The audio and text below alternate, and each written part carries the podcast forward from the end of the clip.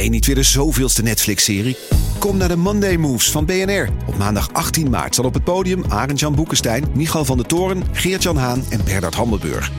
Ze hebben het over geopolitiek. Het is oorlog. Moeten we vechten, vluchten of bevriezen? Onder leiding van mij, Art Rooijakkers.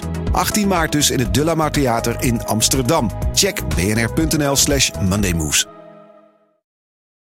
Leuk dat je luistert naar Gonzo. Misschien goed om te weten, vanaf aflevering 42 zijn we te beluisteren op Podimo. Kortie Media.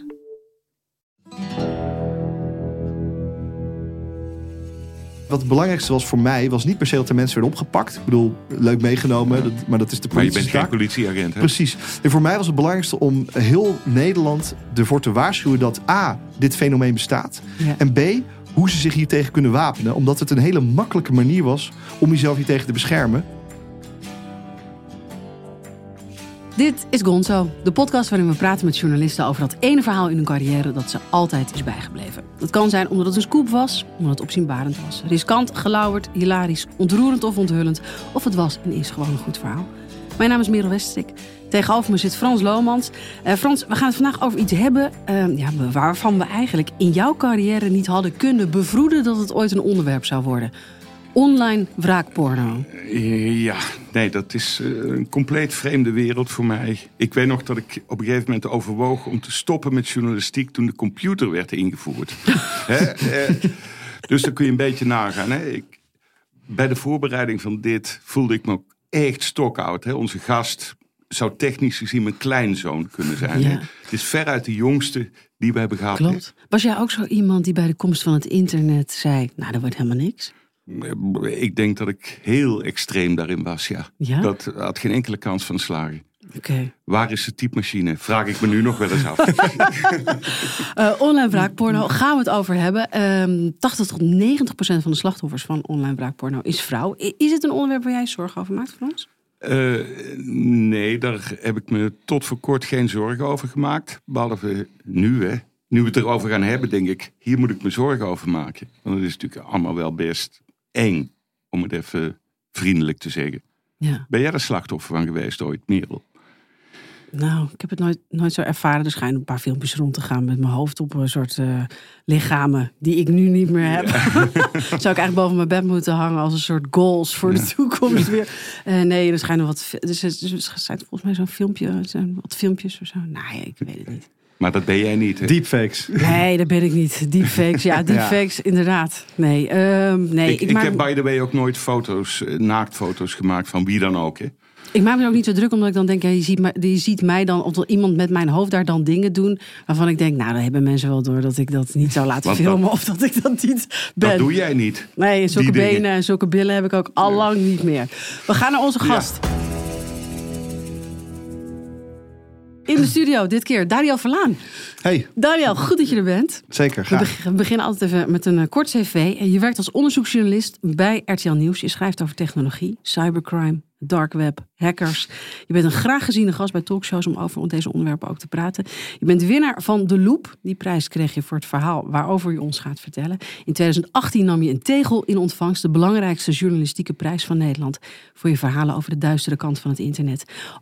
Klein leuk feitje. Je won het afgelopen seizoen Wie is de Mol. Je publiceerde in 2020 eh, het boek Ik weet je wachtwoord. En dat schreef je niet om mensen bang te maken, maar juist om ze eh, waakzamer te maken.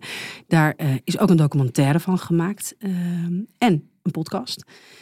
Ook schreef je met datzelfde doel eigenlijk, maar althans maakte je een website die mensen helpt om zich te beschermen tegen hackers. Laat je niet hack maken. Dus als je daar bang voor bent, kan je er altijd naartoe. Daniel, toen we jou eh, vroegen om te komen praten hier over dat ene verhaal in je carrière dat je altijd is bijgebleven, wist je toen meteen eigenlijk welk verhaal je zou kiezen? Nee. Nee? nee, ik heb wel even nagedacht. Waar, twijfelde je tussen een paar? Ja, ehm, ik denk dat ik verhalen heb gemaakt die groter zijn geworden dan dit verhaal. Ehm, die ook bekender zijn bij eh, mensen. Zoals? Ehm, nou, bijvoorbeeld veel mensen weten niet eh, dat ik samen met mijn collega's een keer een verhaal heb gemaakt over de stemsoftware die heel makkelijk te hacken was. Waardoor we allemaal Ja. met de hand weer gingen tellen, de Ja, stemmen. Dat, dat is, eh, daar ben ik heel trots op. Ehm, daar zijn we met RTL Nieuws heel trots op. Maar heel veel mensen weten niet dat, dat, dat ik daar onder andere achter zat. Ik Ehm, weet het nog wel. Ja, ik werkte toen bij, eh, met je. Nee, dus dat, is, dat vind ik zelf een heel gaaf en bijzonder verhaal. Maar ehm, als ik toch denk naar de verhalen die, eh, die ik heb ge- zeg maar, gemaakt. Bijvoorbeeld het GGD-datalek was ook een. De datadiefstal daar was ook best wel heftig in de coronaperiode. Maar als ik, als ik toch denk aan de verhalen die, die mij aan het hart gaan. Of waar ik zelf ehm, erg, eh, erg veel aan heb gedacht nog altijd. Dan, dan is het eigenlijk dit verhaal wel. En, het, en het was je doorbraak, hè? Ja, het was Een wel. beetje. Ja, het was, Van, je werd opeens wereldberoemd in eh, Nou, journalistiek. Nou, dat zou ik zeker niet zeggen. Maar ehm, het was een van de eerste verhalen waarin ik met mijn eh, kop echt vol op tv kwam.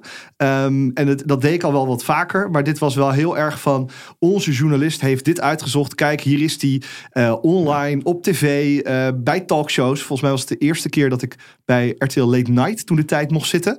Eh, bij ehm, eh, Humberto eh, toen de tijd ehm, nog. En dat was wel gelijk een soort van eh, ja, een eh, kickstart eh, om, eh, om de carrière te, flink te knallen, zeg maar. ja, want even, hoe oud ben je nu, Daniel? Ik ben eh, nu eh 34. Kijk. Oh, toch alweer wat ouder dan ik dacht. Ja, ja, ja. ja. Ja, ik word vaak jonger geschat, dat klopt. Ja, ja, ja, ja. Maar dit verhaal waar we het over gaan hebben, is dus iets waar je nog regelmatig aan terugdenkt. Het, het zet je ook echt een beetje op de kaart. En het, het gaat je heel erg aan het hart. Waarom gaat het je zo aan het hart? Nou, ehm, ja, ik denk dat door de, mm, eh, door de reacties die ik heb gehad erop. En ehm, eh, de impact die het verhaal heeft gehad. eh, ook omdat eh wraakporno toen, toen ik het maakte helemaal niet strafbaar was. Je kon daar niet echt voor worden veroordeeld voor alleen wraakporno verspreiden of zo. Dat kon wel met smaad. Hè, dat soort aantasting van een goede, goede naam, dat soort dingen.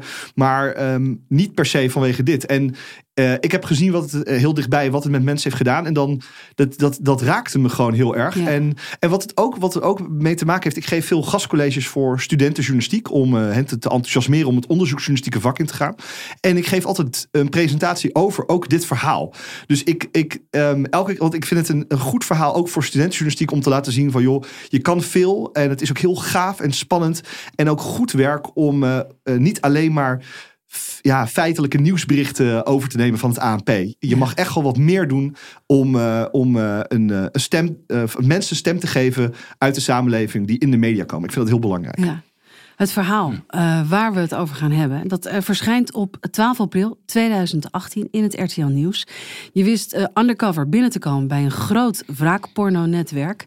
Ehm, het was een exclusieve website waar naaktfoto's en video's van vrouwen zonder hun toestemming eh, werden upgeload. In dat netwerk werden de naaktfoto's geruild eigenlijk als een soort Pokémon-kaarten en in een hele grote verzameling opgeslagen, waarbij slachtoffers eh, op volledige naam en woonplaats werden gesorteerd. 30.000 foto's en video's van honderden meisjes eh, en meer dan 2000 eh, gebruikers die samen hacken, delen, afpersen en aan dat netwerk bouwen. Laten we bij het begin beginnen.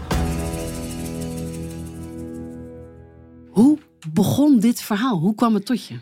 Nou, ehm, als ik heel eerlijk ben. als ik Ja, heel doe eerlijk maar. ben. Laten we ehm, dat maar eh, ja, zijn. ehm, ik heb het gewoon eigenlijk afgekeken van Vice. Oh ja? Ja, dus dat zet ik natuurlijk niet, eh, dat, dat, dat, dat zet ik natuurlijk niet erin. Maar ehm, Vice, ehm, eh, dat kennen we denk ik allemaal. Amerikaanse nieuwsmedia. ehm, die, eh, die hadden een verhaal over revenge porn problem on Slack. En dat was eh, het ja, wraakporno op een chatapplicatie die heette Slack. En ik, dat, daar, daar werd een website in genoemd in dat artikel. En dat heette Anon IB. En dat was een website waar ook heel veel van die wraakporno internationaal werd gedeeld. En ik dacht, ik klik er gewoon op, op die site. En ehm, die verscheen, die site. En bovenin in die menubalk zag je ehm, eigenlijk eh, landen staan. Dus eh, Engeland en eh, Frankrijk, FR en dat EN. En ik zag ook NL. En ik klikte daarop. Het eerste bericht wat ik zag was over een meisje, eh, ging uit Wolvenga. Iemand vroeg of, dit, of er foto's waren van dit meisje uit Wolvenga. Zo'n klein dorpje Ja. in Friesland. Ja. En eh, iemand zei van, nou, ik heb dit meisje niet. Een ander, andere gebruiker zei van, ik heb dit meisje niet, die foto's van haar. Maar ik wil iemand anders, hier, dit meisje, eh, voor jou, om te ruilen met jou uit, over meisje uit Wolvenga. En ik lees dit zo en ik denk, Wolvenga. Zeg maar, Ja. als het nou Amsterdam is of Utrecht, dan is het statistisch gezien logischer dat daar twee slachtoffers vandaan komen. Omdat er nou eenmaal meer vrouwen in Utrecht of in Amsterdam ja, wonen. grotere stad is. Precies. Ja. Maar Met ik denk, meer jonge vrouwen, ja. Precies, dus ik denk Wolvenga, dan is dit probleem misschien best wel groot. Eh, want het- de kans is relatief klein dat er twee slachtoffers uit zo'n klein dorpje komen. Ja. Ehm, en ze zei van, nou, die, die andere gast die, die, die aanvankelijk het bericht plaatste, die zei van, oh, zij ziet er heel goed uit. Ik wil wel iets eh, ruilen hiervoor. Waar kan ik je contacten? En dat was het moment dat ik zag, hier eh, staat een URL die naar een soort geheime chatkamer leidde. Waar je toegang tot moest krijgen. Ehm, en, eh, en daar klikte ik op. Ik meldde me aan met een eh, anoniem account. En ik verscheen toen verscheen die hele chatkamer met al die duizenden leden. En al die berichten en die kanalen. Het, is gewoon, ja, het, heet Discord. Dat, dat kennen mensen die gamen, kennen het wel. Het een soort online waar je kan chatten. En ik zag daar een- bijvoorbeeld een kanaal dat heette Request. Daar kon je verzoekjes doen van vrouwen. Eh, maar ook ruilen en eh, hacken en dat soort dingen en zo. Maar wacht Kreeg, even. kreeg je toen ook al foto's te zien onmiddellijk van vrouwen? Ja, een, een aantal, maar niet zoveel. En eh, kijk, voor, zeg maar, je ziet wel wat beelden die daar worden gedeeld. Maar dat waren misschien enkele tientallen. Ehm, en kijk, als journalist ben je natuurlijk op zoek naar schaal. Dus ik zag wel, oh, er zijn duizenden leden. Dus dat is groot. Dat is een relatief groot netwerk. Ehm, maar ik wilde vooral de schaal van de slachtoffers weten. Maar dat kreeg ik niet helemaal duidelijk. Ik zag ja, enkele tientallen foto's van misschien vijf, zes, zeven slachtoffers. Ehm, maar mijn vermoeden was dat er veel meer slachtoffers waren. En ik moest in ieder geval achterkomen hoeveel er in totaal waren. Want daarmee kan je de schaal en ook ja, de grootte van het probleem in de maatschappij... kun je eigenlijk daarmee eh, tonen en aantonen. Ja, en je zegt, je zegt heel makkelijk, ja, ik meldde me aan op die website. Is dat, eh, is dat dan zo? Ik zou meteen denken, oh, hoe dan? Of eh, is dat zoiets makkelijks? Ja, dat is relatief makkelijk. Ja, dat is gewoon een e-mailadres invullen, een username bedenken. Niet Daniel Verlaan, want anders staat er Daniel Verlaan has entered the chat. Ik wou het zeggen. Dus ja. eh, dat is niet zo handig. Eh, maar ik had gewoon een, eh, een anonieme username met een anoniem e-mailaccount. ehm, wat ik bij ProtonMail, dat is een anonieme e-maildienst, had geregistreerd. En, en ik achter mijn VPN, dus ook mijn IP-adres. Want het IP-adres van RTL is letterlijk een RTL-IP-adres. Dus mensen zien echt, als je verbindt daarmee, dat je van RTL komt. Dus dat is ook niet handig. Nee. Dus eh, mijn VPN aangezet, eh, dat, dat beschermt je internetadres, dat, dat verhult het eigenlijk. Ik doe al mijn werk vanuit RTL altijd met een, IP, met een VPN aan. En, ehm, en dus zo kwam ik binnen. En eigenlijk vanaf dat moment was het gewoon ehm, meedoen met ja, eigenlijk eh, de mensen daar. Meepraten, ehm, eh, begrijpen wat ze zeggen. Ze hadden allemaal hun eigen jargon en taal. Er werd gesproken over wins. Dat, dat, dat, waren de, dat was de benaming voor wraakporno. Want wraakporno is natuurlijk een negatieve term. Ja. Dus ze hebben, zeiden van, hey, wie heeft er iemand wins van dit meisje uit Zwolle? Of zeg maar, op die manier praten ze dan. En eh, ze hadden het bijvoorbeeld over OC. Dat wist ik ook niet, maar dat, dat is dan original content. Dat is beeldmateriaal dat alleen in handen is van die ene crimineel. Dus dat heeft hij zelf gehackt. Eh, en dat is dan meer waard. Dus dat kan je voor meer andere foto's ruilen en nou, dat soort dingen en zo. Dus je moest een beetje je, je, je weg vinden in dat netwerk om een beetje onderdeel ervan te maken. Hoe, En hoe- hoe lang duurde dat voordat je eh, begreep wat je moest doen Ja. om helemaal door te dringen tot de kern? Nou, een dag, twee dagen misschien. Oh. Twee Ja, dagen Ik een dacht beetje dat je nu ging zeggen een maand of zo. Nee, maar- nee, nee, nee, nee, nee, echt, echt, eh, dat is echt werk van dagen. En Dit hele, volgens mij deed dit hele onderzoek niet meer dan een aantal weken. Eh, ik denk twee of drie, volgens mij. Ehm, en eh, ik voelde me al relatief snel op mijn gemak. Ook omdat, de, ja, kijk, dit zijn allemaal criminelen. En allemaal, eh, met name, het zijn eigenlijk allemaal mannen. En allemaal wel mensen die verstand hebben van technologie en van internet. Dus dat heb ik ook. En ik ben ook een man. Ehm, en ik ben ook een beetje misschien wel van dezelfde leeftijd als veel gasten daar. Dus je, je, je komt wat sneller in de flow. Ik denk dat het voor iemand die wat minder kennis heeft van technologie of van internet of van internetjargon of van wat er gebruikelijk is op het internet. Je moet bijvoorbeeld niet eh, praten of chatten met heel veel hoofdletters en interpunctie.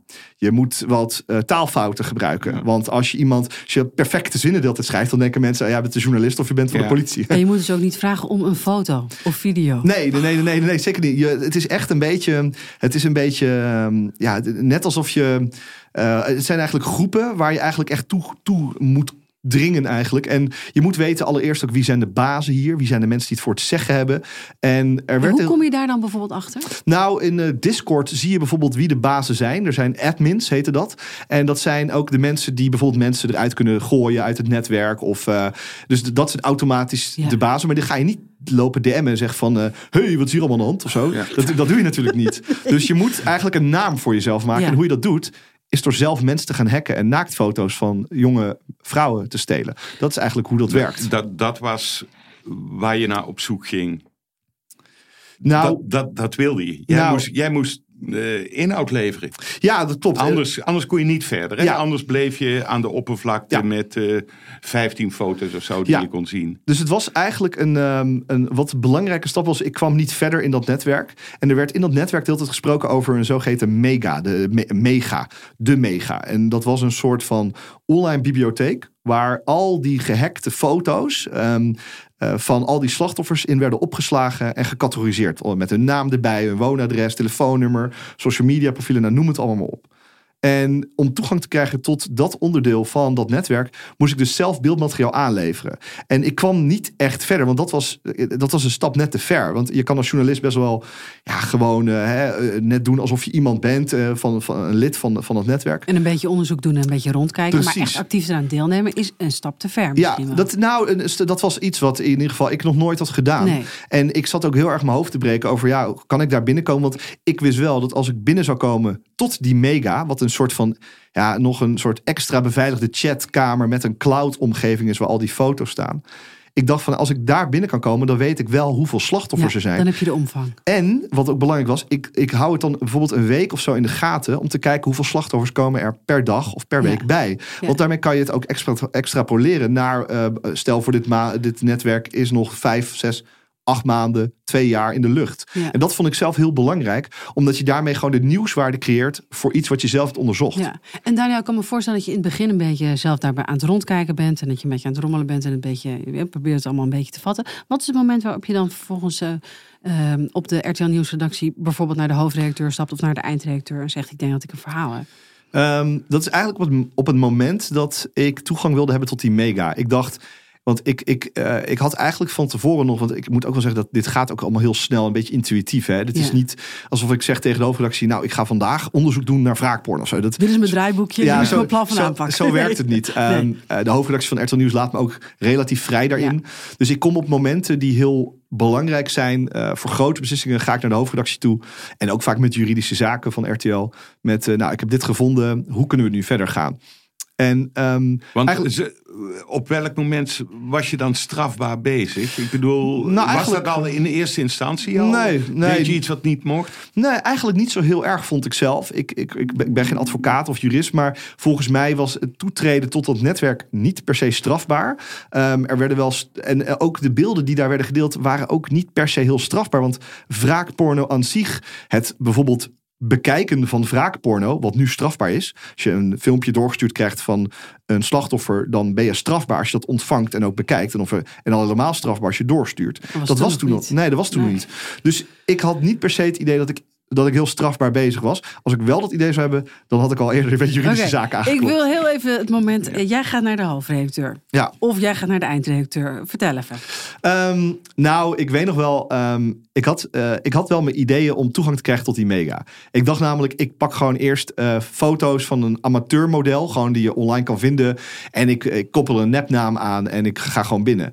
Maar toen bedacht ik me later van, maar dat kan eigenlijk niet. Want ik weet niet of die beelden van dat, deze jonge vrouw, dat amateurmodel, of die wel of niet met haar toestemming online zijn gezet. Dat, Ja. dat, dat weet je niet vaak. Dus ik dacht, ja, dat, dat kan Dat dus niet. bedacht je zelf nog. Ja, dat dacht- bedacht ik zelf. Dus ik zat er te denken. En ik, eh, ik vond het lastig. Want ik, hoe moet je komen aan zelf beeldmateriaal? Zeg maar, dat is echt best wel moeilijk.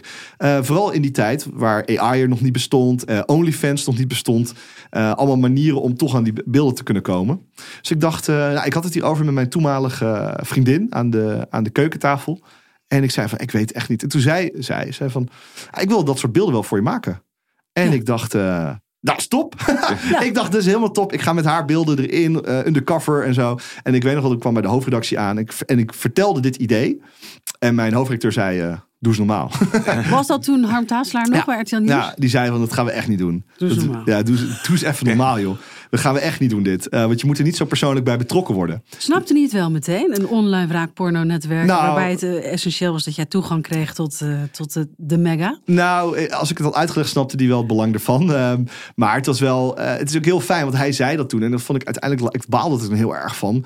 Dacht, ja, mag, ik- mag ik niet dat netwerk in? En ik weet toch helemaal hoe ik het doe. Maar dat is eigenlijk heel goed, want je moet natuurlijk niet eh, op zo'n manier erbij betrokken worden met foto's van eh, je partner dan gaan gebruiken. Dat is helemaal niet handig.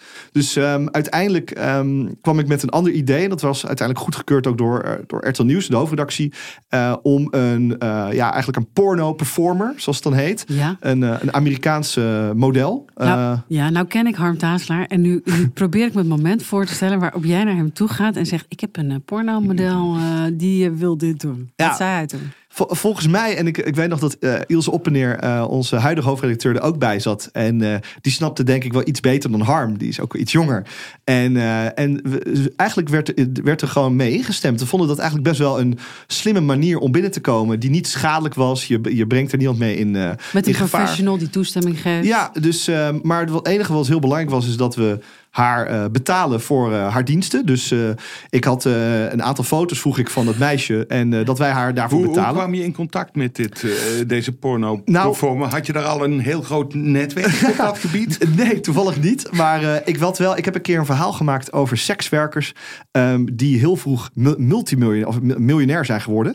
Omdat zij eh, vroeger al in de crypto zaten. Dat kwam omdat zij eh, werden allemaal geband door Amerikaanse creditcardmaatschappijen en zo. Ze mochten niet betaald worden. De Amerikanen allemaal preuts en zo.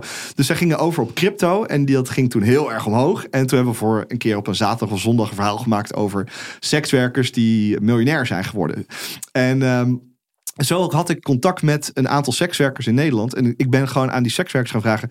Kent iemand iemand die dit zou willen doen? En zo via via kwam ik bij haar. En het was een hele jonge meid. eh, of nou, jong, eh, volgens mij begin twintig. Die woonde in Berlijn. eh, studeert daar kunstgeschiedenis. En eh, deed voor, eh, om haar kunstgeschiedenisopleiding te betalen... deed ze dit soort filmpjes en foto's voor mensen maken. En we hebben haar eh, tien foto's gevraagd. Tien keer betaald ook ervoor. Of tien keer betaald. Gewoon volgens mij 500 euro of zo. Per, eh, per foto 50 euro.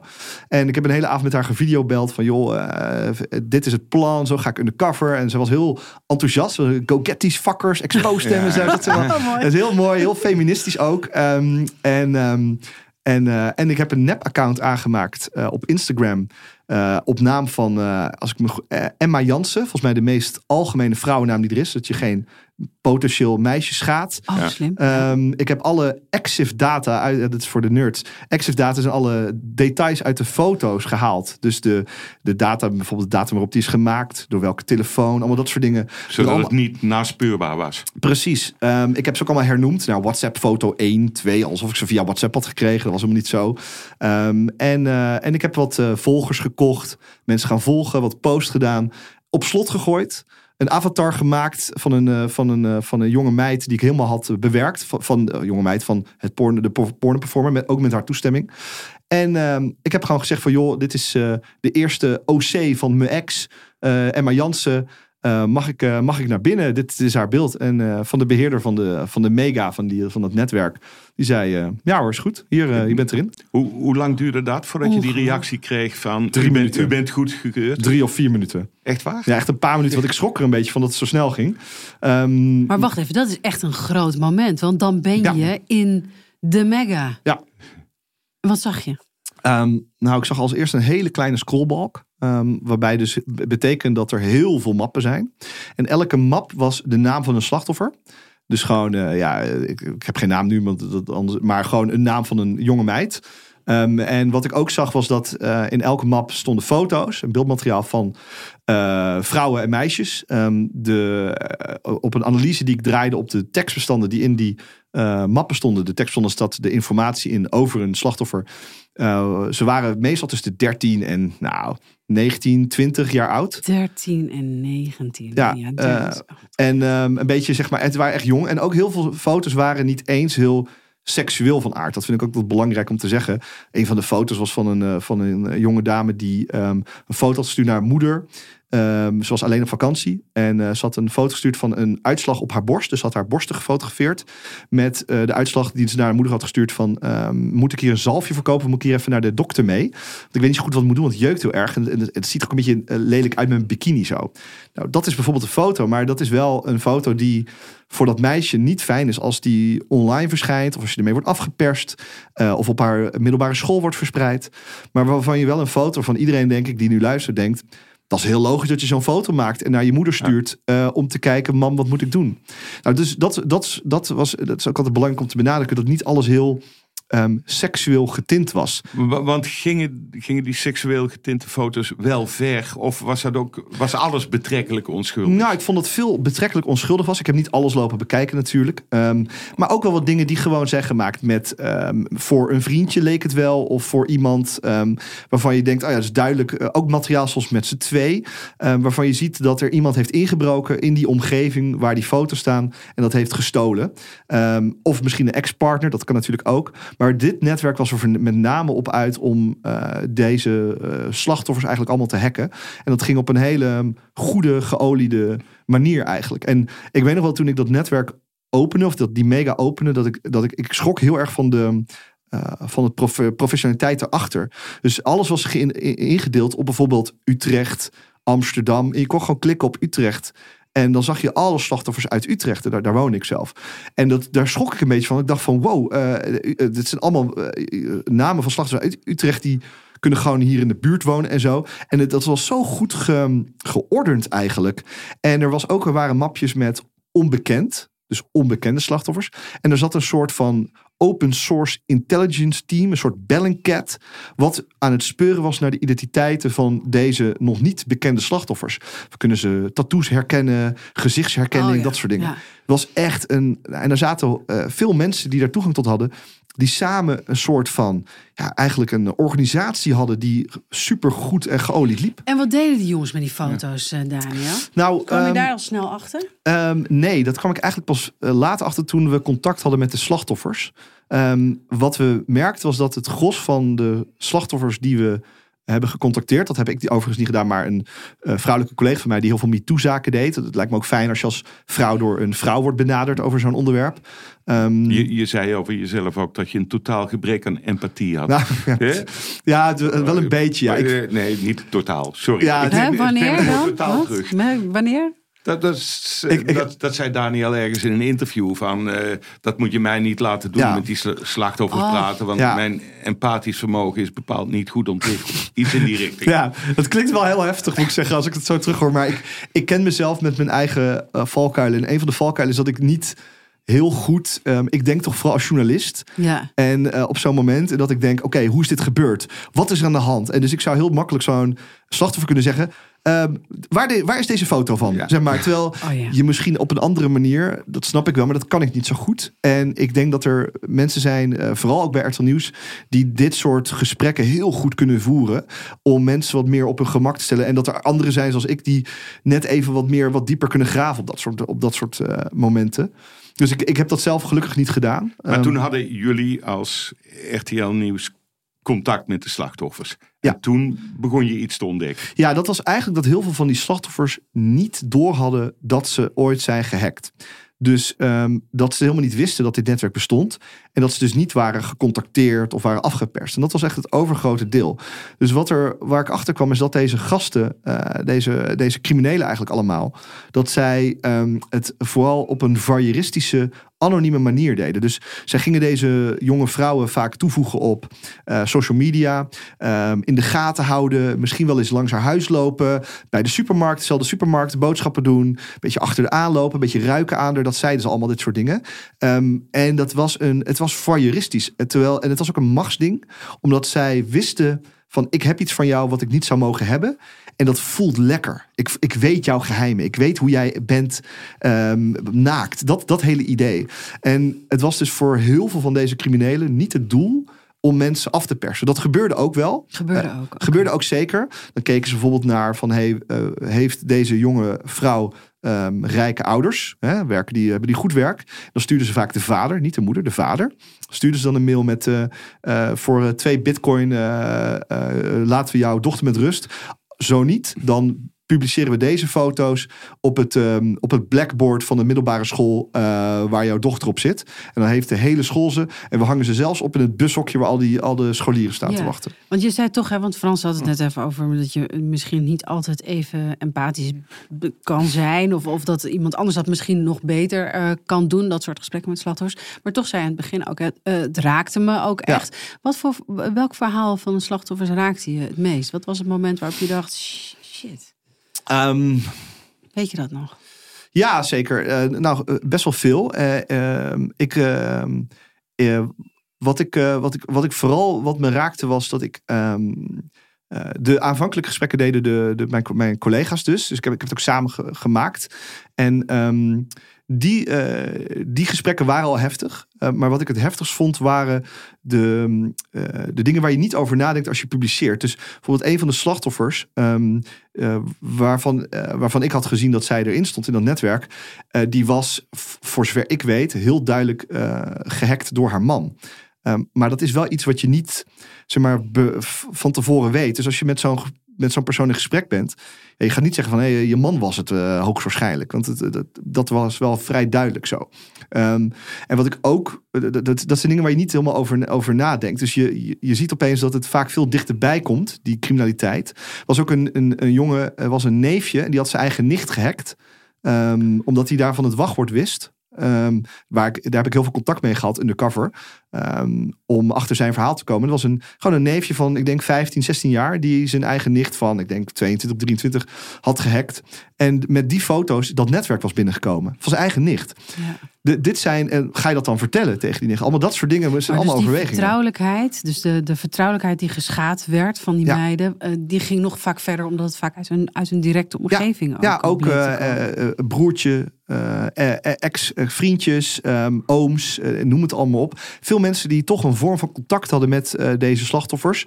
Eh, ehm, dat was één ding. En wat ik ook nog heel belangrijk, of wat ik heel heftig vond, was na de publicatie ehm, kreeg ik heel veel mailtjes van ehm, jonge vrouwen die vroegen of ze erin stonden. Die zich heel veel zorgen maakten, omdat ze het vermoeden hadden dat hun foto's eh, ooit waren gehackt of gestolen of doorgestuurd. En ik, ik, ik weet niet hoe ik dat het beste kan benamen zonder een beetje stom te klinken, maar het waren met name eh, vrouwennamen met is- eh, islamitische vrouwennamen. Ik weet niet hoe ik het beter kan zeggen. Beetje Ja, stom misschien om ja. te zeggen, maar dus je zag dat het duidelijk niet hele Nederlandse namen waren. En wat eruit kwam uit die mails was een soort van paniek, omdat ze niet tegen mensen in hun omgeving konden zeggen dat dit hen mogelijk was overkomen. En dat ik de enige was, zeiden ze dan, die dit voor hen kon, waar ze het mee over Kon mee hadden. Ja. Ja. en over kon uitzoeken. Dus, en ik weet dat ik dat heel, eh, heel heftig vond. Dat er een, eh, dat misschien een breder liggend probleem in de samenleving. waarbij er een grote groep ehm, jonge meiden. ehm, hier zich niet over kan praten met mensen. En dat vond ik heel had, heftig. Had je, had je dat al geconcludeerd eh, tijdens je om, omzwervingen op, op dat netwerk? Dat er veel moslima's tussen zaten? Nee, nee, of, of eh, was dat heel ge- gemixt? Dat viel, me- viel me niet om. Het was gewoon een gemixt, eh, ah, gewoon een gemixt publiek, om het zo maar even stom te zeggen. Dus ik, ik had dat niet door. Maar ik, ik vond eh, toen wel van de honderden mails die ik heb echt ontvangen. ehm, die ik ook allemaal heb, eh, heb eh, beantwoord ook. ehm, vond ik dat wel eh, heel opvallend, weet ik nog wel. En daar schrok ik een beetje van. Dat ik, eh, ook omdat ik dacht, wat moet jij eenzaam zijn? Het moet, het moet een hele eenzame manier van leven zijn als je... eh, want een andere slachtoffer die ik sprak, die heeft het bijvoorbeeld wel verteld tegen haar ouders. En die ouders waren heel erg eh, fijn voor haar. En die hielpen haar ook met de aangifte zo. En zij is daar best goed uitgekomen. Ehm, en dat vind ik zelf, eh, ik denk van de- dat, dat, dat, dat gun je deze met, na, met jonge vrouwen allemaal, één voor één. En dat was absoluut niet zo. Is er een moment geweest, Daniel, dat je op dat, eh, op dat forum zat of dat je die foto had geüpload en je zat er rond te kijken, dat je dacht, ze gaan erachter komen dat ik eh, eigenlijk Daniel Verlaan ben van RTL Nieuws? Nee, geen enkel Nee, moment. geen enkel moment. Nee. Oké, nou dat is wel lekker dan. Nee, nee, nee, nee, echt, nee, dat, eh, dat, dat, wat ik ook vaak deed, wat, wat, wel, wat ik wel leuk vond, is ik zat er met bijvoorbeeld zes accounts in, allemaal mij. ja. En dan zat ik met mezelf het gesprek te voeren. Om andere mensen mee te nemen in dat gesprek. Want ik wilde bijvoorbeeld weten wat hen dreef. Ja. Of wie, op wie ze naar zoek waren. Wat, wat, naar wie zoek je? Dus dan zat ik en dan zat ik over mijn. eh, zei ik van, nou, ik eh, zoek eh, meisjes van mijn middelbare school. En dan zei iemand, ja, ik ook. Die zei, die, die wil ik het liefst hebben. En dan denk ik, ah, interessant, oké. Weet je dat soort. Even kijken, hè? Want normaal gaan ze het niet hebben over wie ze precies willen targeten of op welke manier ze dat doen. En wat voor mij ook heel belangrijk was, ehm, ik zag hoe deze slachtoffers allemaal werden gehackt. En dat was een soort trucje. En heel veel mensen wisten niet dat dit trucje bestond. ehm, en hoe je je daartegen kan beschermen. En ik vond het ook met een soort van heel groot belang dat, eh, dat we dat namens RTL Nieuws, dat we ook zeggen, zo gebeurt het.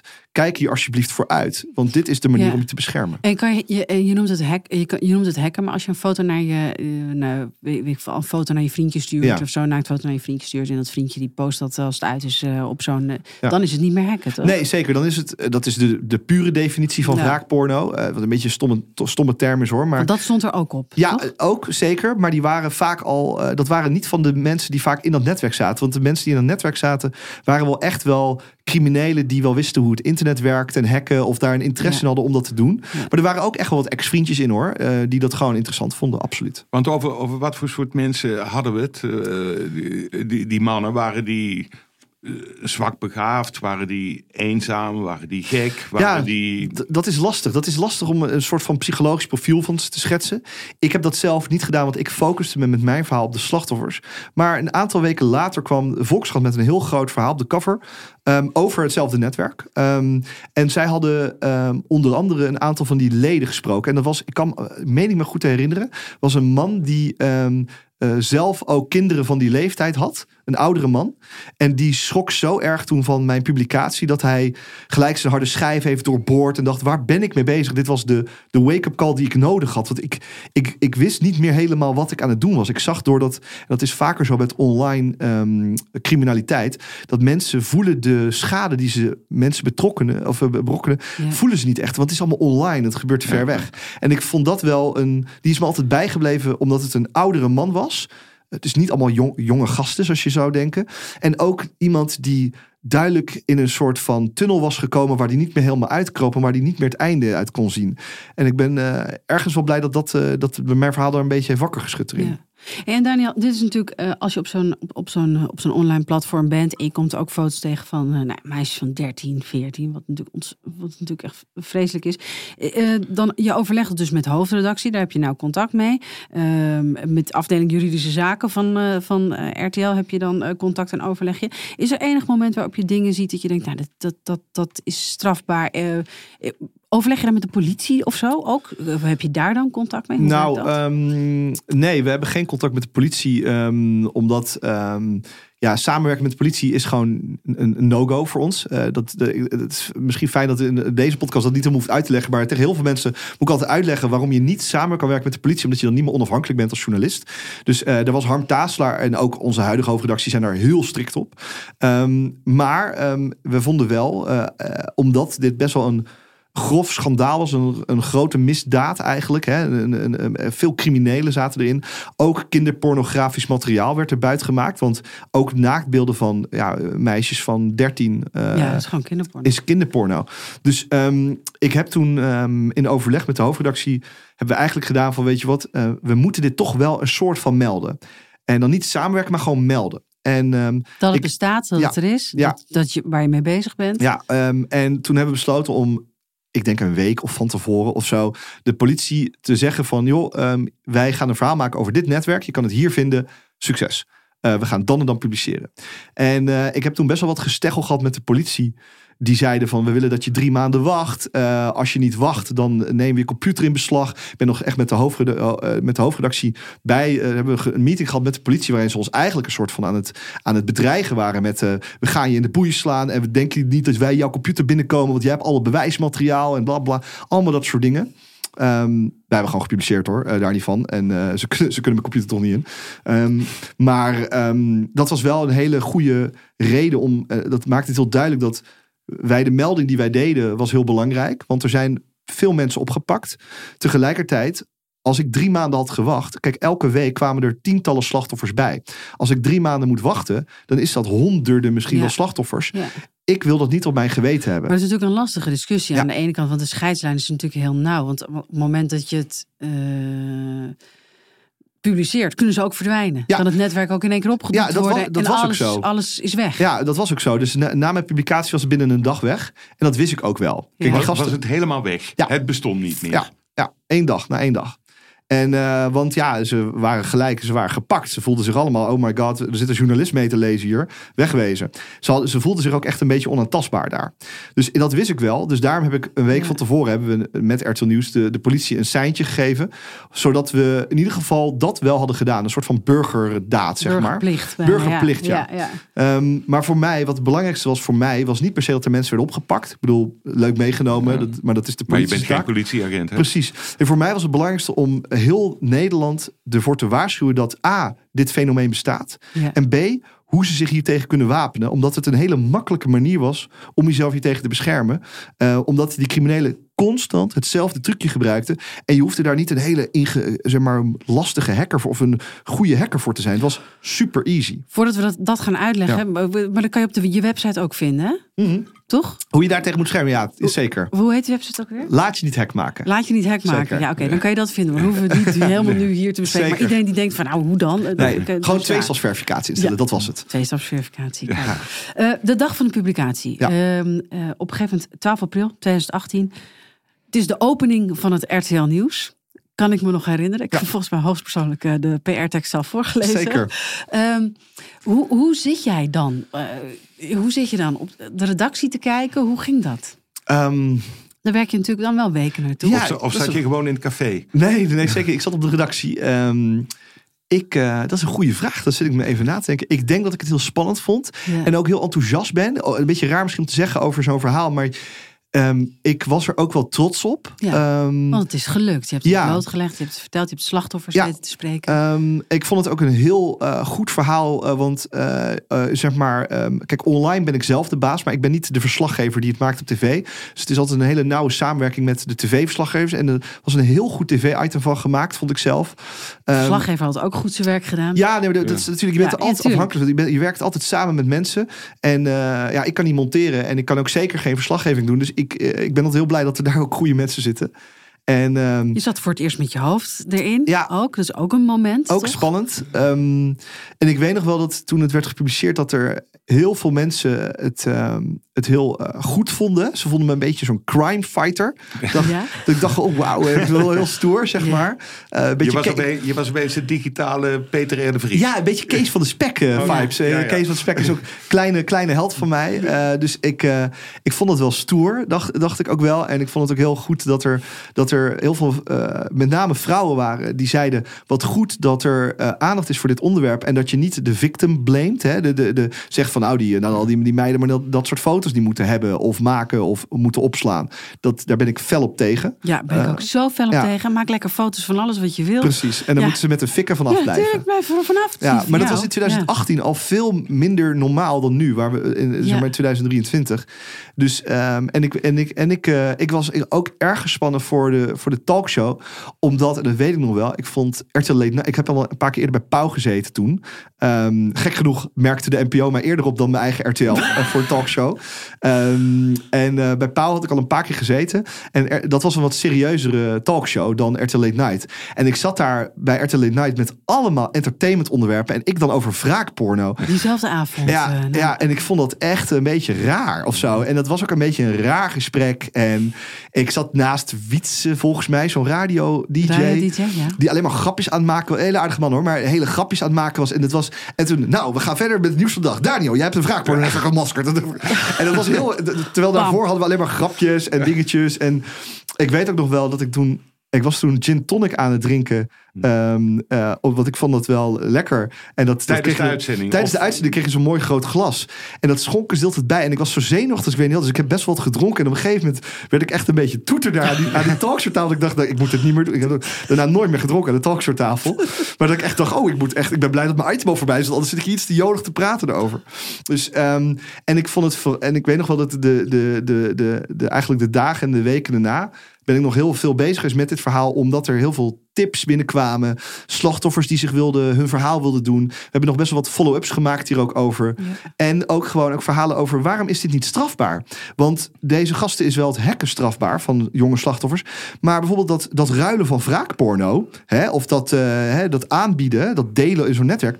Is niet per se strafbaar. Dat stond in geen enkele wet. Nee, en dat vond ik, dat verbaasde me ook zo over. En daar heb ik ook nog best wel een aantal verhalen over gemaakt. Moeten we dit niet strafbaar maken? Ehm, is het niet belangrijk met advocaten en het OM en zo? En uiteindelijk is dat strafbaar gesteld. Dat duurde wel echt jaren hoor. Maar daar ben ik zelf. Ik hoop dat mijn verhaal er wel een beetje heeft bijgedragen, of mijn verhalen. Maar daar ben ik zelf uh, best wel een beetje trots op of zo. Omdat dat. Ik vond het belangrijk dat mensen ook vanwege. Kennen jullie Patricia Pai nog met die plasvideo? Ja, ja, dat was een. Ik weet nog heel goed dat daar zo grappig over werd gedaan. Dat iedereen dat maar doorstuurde naar elkaar.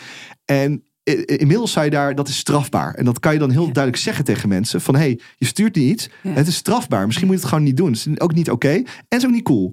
Dus niet meer doen. En ik ben heel blij dat ik dit verweer nu heb de volgende keer als ik, dat ik zoiets erover kan zeggen. Dus je hebt de wereld een klein beetje beter gemaakt. Ja, dat, dat, ik denk dat elke eh, journalist dat eh, wil. Ja. En ik, nou ja, ik, nee, je hebt het volgens mij. Feitelijk mag je dat best zeggen. Nou, dankjewel. Ik, ik, hoop, ik hoop het. Ik, ik doe daar mijn best voor. En ik heb bij, uh, zeg maar, met, met RTL proberen we dat soort verhalen te maken. Ook vooral. En ook wat ik belangrijk vond, um, is dat je, je maakt natuurlijk verhalen uh, ik, ik, was een onderdeel van het verhaal, want ik had het onderzocht. Maar we hebben vooral de slachtoffers aan het woord gelaten. Anoniem, uh. Maar wel hen aan het woord gelaten van wat heeft dit voor impact op jou gehad? Hoe is dit, uh, hoe is dit gebeurd? Hoe, wat, voel jij je? Um, en ook naar de rechtszaak, want er zijn allemaal mensen opgepakt ervoor. Die hebben ook allemaal verslagen en zo. En het ging dan voornamelijk over de, de kracht van de slachtoffers. Die, hoe, hoe zij hieruit waren gekomen. Denk jij dat dat een belangrijke, dat is natuurlijk in de journalistiek wordt dat wel vaak. Denk jij dat dat, dat het belangrijk is dat je de kant van het slachtoffer hoort. Dat je hoort wat het met iemand doet. Dat je hoort hoe iemand dat heeft beleefd. Want het, het, in de journalistiek is het vaak zo dat we, we, we maken verhalen over mensen, maar niet zo vaak laten we de mensen erin komen. En we praten veel over mensen, maar niet, we geven niet die mensen stem. En ik vind het bijvoorbeeld ook bij de toeslagenaffaire, waar er nu zo'n groot aandeel in had in de berichtgeving over met Pieter Klein. Toen de tijd, um, we gaven de mensen die het was overkomen een stem. En um, ik weet nog wel dat mijn, uh, mijn hoofdredactie daar toen heel erg op hamerde, omdat ik zelf was ik vooral benieuwd naar die criminelen en hoe deden ze dit en uitleggen. En zij zeiden nee, we willen die verhalen horen van deze slachtoffers. En ik ben daar heel blij om dat de hoofdredactie toen heeft ingegrepen, al vroeg in mijn verhaal. Dat zeiden we gaan deze slachtoffers een prominent uh, in beeld, uh, niet in beeld brengen, maar prominent hun verhaal laten doen. Want daar zit het gevoel. Het gaat over hen.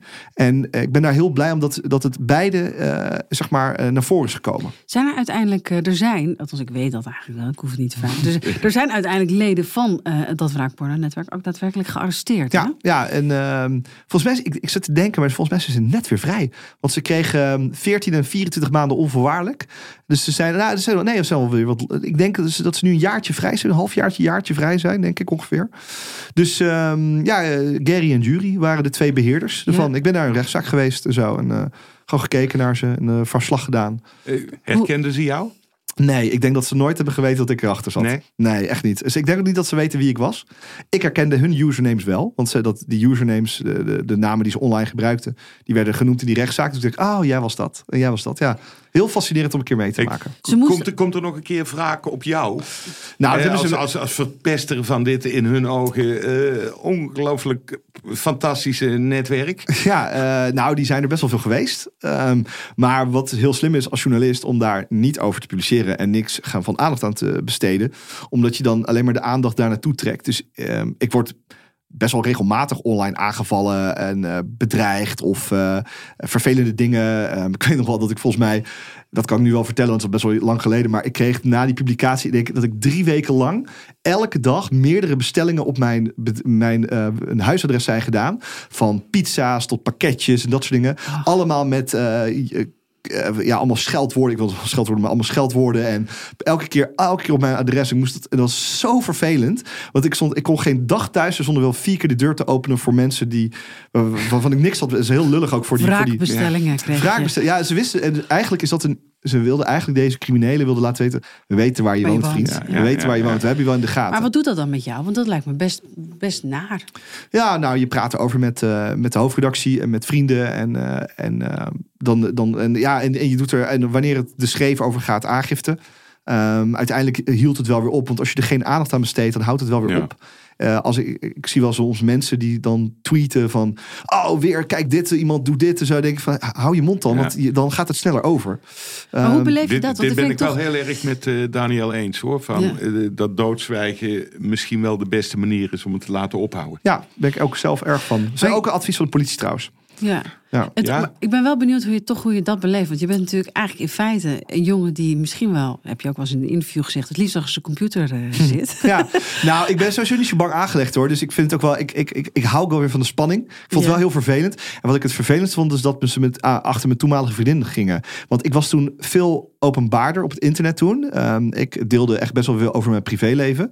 Ook wie mijn vriendin was toen de tijd. En ze gingen haar proberen te hacken. En dat is bijna gelukt ook. Onder- ondanks dat ze relatie had met mij, was zij echt niet zo heel goed beveiligd, gek genoeg.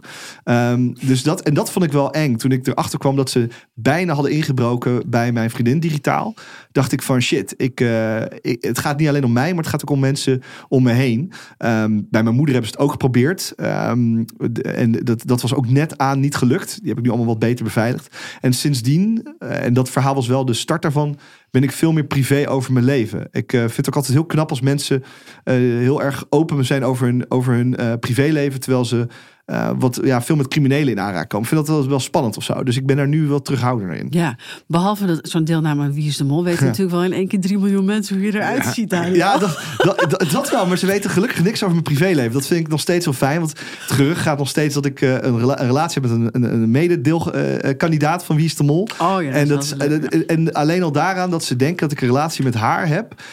Zegt dat mensen niet weten of ik wel of niet een relatie heb. En er ging ook gerucht dat ik op mannen val. Eh, nou, wie weet, hè? kan altijd. Nee, maar, dus ik, hou, ik vind het fijn dat mensen niet meer zoveel weten van mijn privéleven. Absoluut. Dan vragen wij hier nu ook niks over. Eh, hoor. nee, gaan we, nee zeker niet. Zeker niet. Ehm, is er ooit eh, een moment geweest? Ik kan me voorstellen, jij zegt tot nu toe wil je het echt aan de kaak stellen, het blootleggen, laten zien dat het gebeurt en waarschuwen. Hè? Hoed, je, je ervoor of bescherm je daartegen? Gaat er een moment in je carrière komen dat je denkt, eh, ik ga aan de andere kant staan en eh, opsporen? Oh, ik dacht andere kant Ja, persvoorlichter. ja, dacht ik. Nee, Ja. nee eh, want daar dacht ik, nee, Nou ja, nooit. Ik kan me voorstellen dat ze je bij de politie ook wel willen hebben. Nou, eh, nu vinden ze je irritant, maar ik, je eh, ik, nou, ik, ik heb laatst eh, toevallig een, eh, een berichtje van een, eh, een politierechercheur gekregen. Die me had bedankt dat ik op Twitter een draadje had gemaakt over de man die die projecties deed op de Anne Frank huis. Ja. En dat ik een draadje over gemaakt van wie was deze guy nou. En ze hebben dat onder andere dat draadje gebruikt om hem op te sporen. En toen kreeg ik een bedankje. En toen dacht ik, en dat vond ik zo cool, dat ik dacht, oh, ik heb gewoon een beetje online lopen speuren. En deze vent is mede daardoor opgepakt. En dacht ik van, oh, ik vind het eigenlijk wel heel cool. En ik sluit het zeker niet uit. Maar ik, ik, eh, Eigenlijk ben je diep in je hart gewoon een politie. ik vind, het super, ja, ik, heb, ik vind het super gaaf om te speuren online. En, Ja. eh, en een beetje, want als je, kijk, als journalist hoop je dat je een beetje onrecht kan aankaarten en dat je daarvoor kan vechten. Maar als politieagent doe je dat natuurlijk ook al elke dag. Dus ik vind dat het heeft veel eh, overeenkomsten met mijn huidige werk. Maar ik vind het nu nog veel te leuk. Eh, dus ik, ik nee. Dus, Ze, mo- ze mogen volgend jaar terugkomen. nou, misschien over tien jaar. Voor dit verhaal won je een loop. Hoe was dat? Nou, eh, ik won die, maar ehm, eh, mijn, eh, normaal gesproken wist ik dus helemaal niet. Ik had hem zelf ingestuurd, zeg maar, als inzending voor de loop. Ja. Maar dat mag dus helemaal niet, want RTL Nieuws moet als hoofdredactie moet dat zelf doen. Alleen dat wist ik dus niet. En ze zeiden een beetje van, hoezo heb je dat zelf gedaan? En ik zei, oh ja, dat wist ik, sorry. En toen werd ik genomineerd. En toen had ik hem ook nog gewonnen. En zij hadden mij helemaal niet ingestuurd. Dus dat vond ik heel grappig. Maar dat was wel leuk, want het was mijn ehm, eerste prijs. Ehm, en, eh, en toen dacht ik, eh, volgens mij, ik, ik weet nog wel, ik stond op dat podium. ehm, en ik dacht, volgens mij nemen mensen me best wel nu serieuzer. Dus dat was voor het eerst dat ik dacht, oh, volgens mij gaan mijn andere collega-journalisten denken van, oh, die Daniel, die, die, die, die kan er wel iets als Ja. journalist. En dat vond ik wel, dacht, eh, wel raar dat je daar zo'n stomme, stomme prijs voor nodig hebt aan de ene kant. Eh, want er is geen enkele beroepsgroep in Nederland die zoveel prijs voor zichzelf heeft als de journalistiek. Ja. Daar zijn we nogal van. Ehm, maar ik vond het wel, ik vond het een hele, een hele erge eer. En ik, eh, ik weet ook dat RTL Nieuws er eh, hartstikke blij mee was dat, eh, dat een, eh, een journalist van hen eh, een prijs had gewonnen. Dat is altijd, het is altijd heel eervol om dat te winnen. Tot slot, waar ben je nu mee bezig? Ehm, eh, ja, en een paar grote verhalen. En Ja? daarover later meer. Ja, dat is. eh, maar ik wil in ieder geval, waar ik nog altijd mee bezig blijf, is online criminaliteit. En hoe dat voor, wat voor impact dat heeft op onze maatschappij en op ons bur- eh, wij als burgers. Mooi. Daniel. ik wil eigenlijk nog zeggen van, ik hoop dat hij naar zijn vader luistert, want die heeft een keer tegen hem gezegd dat hij niet alleen met seks bezig moest zijn. Ja, Toch? Ja, ik, dat goed, is Ja, dat klopt. Dat is wel heel goed. Ja. Nee, mijn vader heeft dat gezegd ooit. En, eh, en eh, Harm Taaslaar ook, mijn eh oud eh, hoofdredacteur. En, en ik ben toen, want ik, ik had toen heel veel undercover onderzoeken bij ook Vereniging Martijn en kinderporno-netwerken, vergluurdersnetwerken, noem het allemaal op. En, en sinds een jaar of twee focus ik me eigenlijk vooral op andere soorten zaken. Ehm, dus meer al, algemene criminaliteit of hoe overheden onze burgerrechten vermorzelen. En, eh, en dat bevalt me eigenlijk heel goed. Ik ben heel dankbaar voor dat advies. Eh, altijd naar je vader luisteren. Daniel, dank je voor je komst. Dank jullie wel. En dit was Gonzo. Mijn naam is Merel Westrik. Tegenover me zit Frans Lomans. Mocht je nou vragen hebben of suggesties, mail dan vooral naar gonzo.kortimedia.nl. En we zouden het heel leuk vinden als je een recensie achterlaat. Want dan is eh, Gonzo beter vindbaar, ook voor andere luisteraars. Nou, volgende week weer een goed verhaal. Tot dan.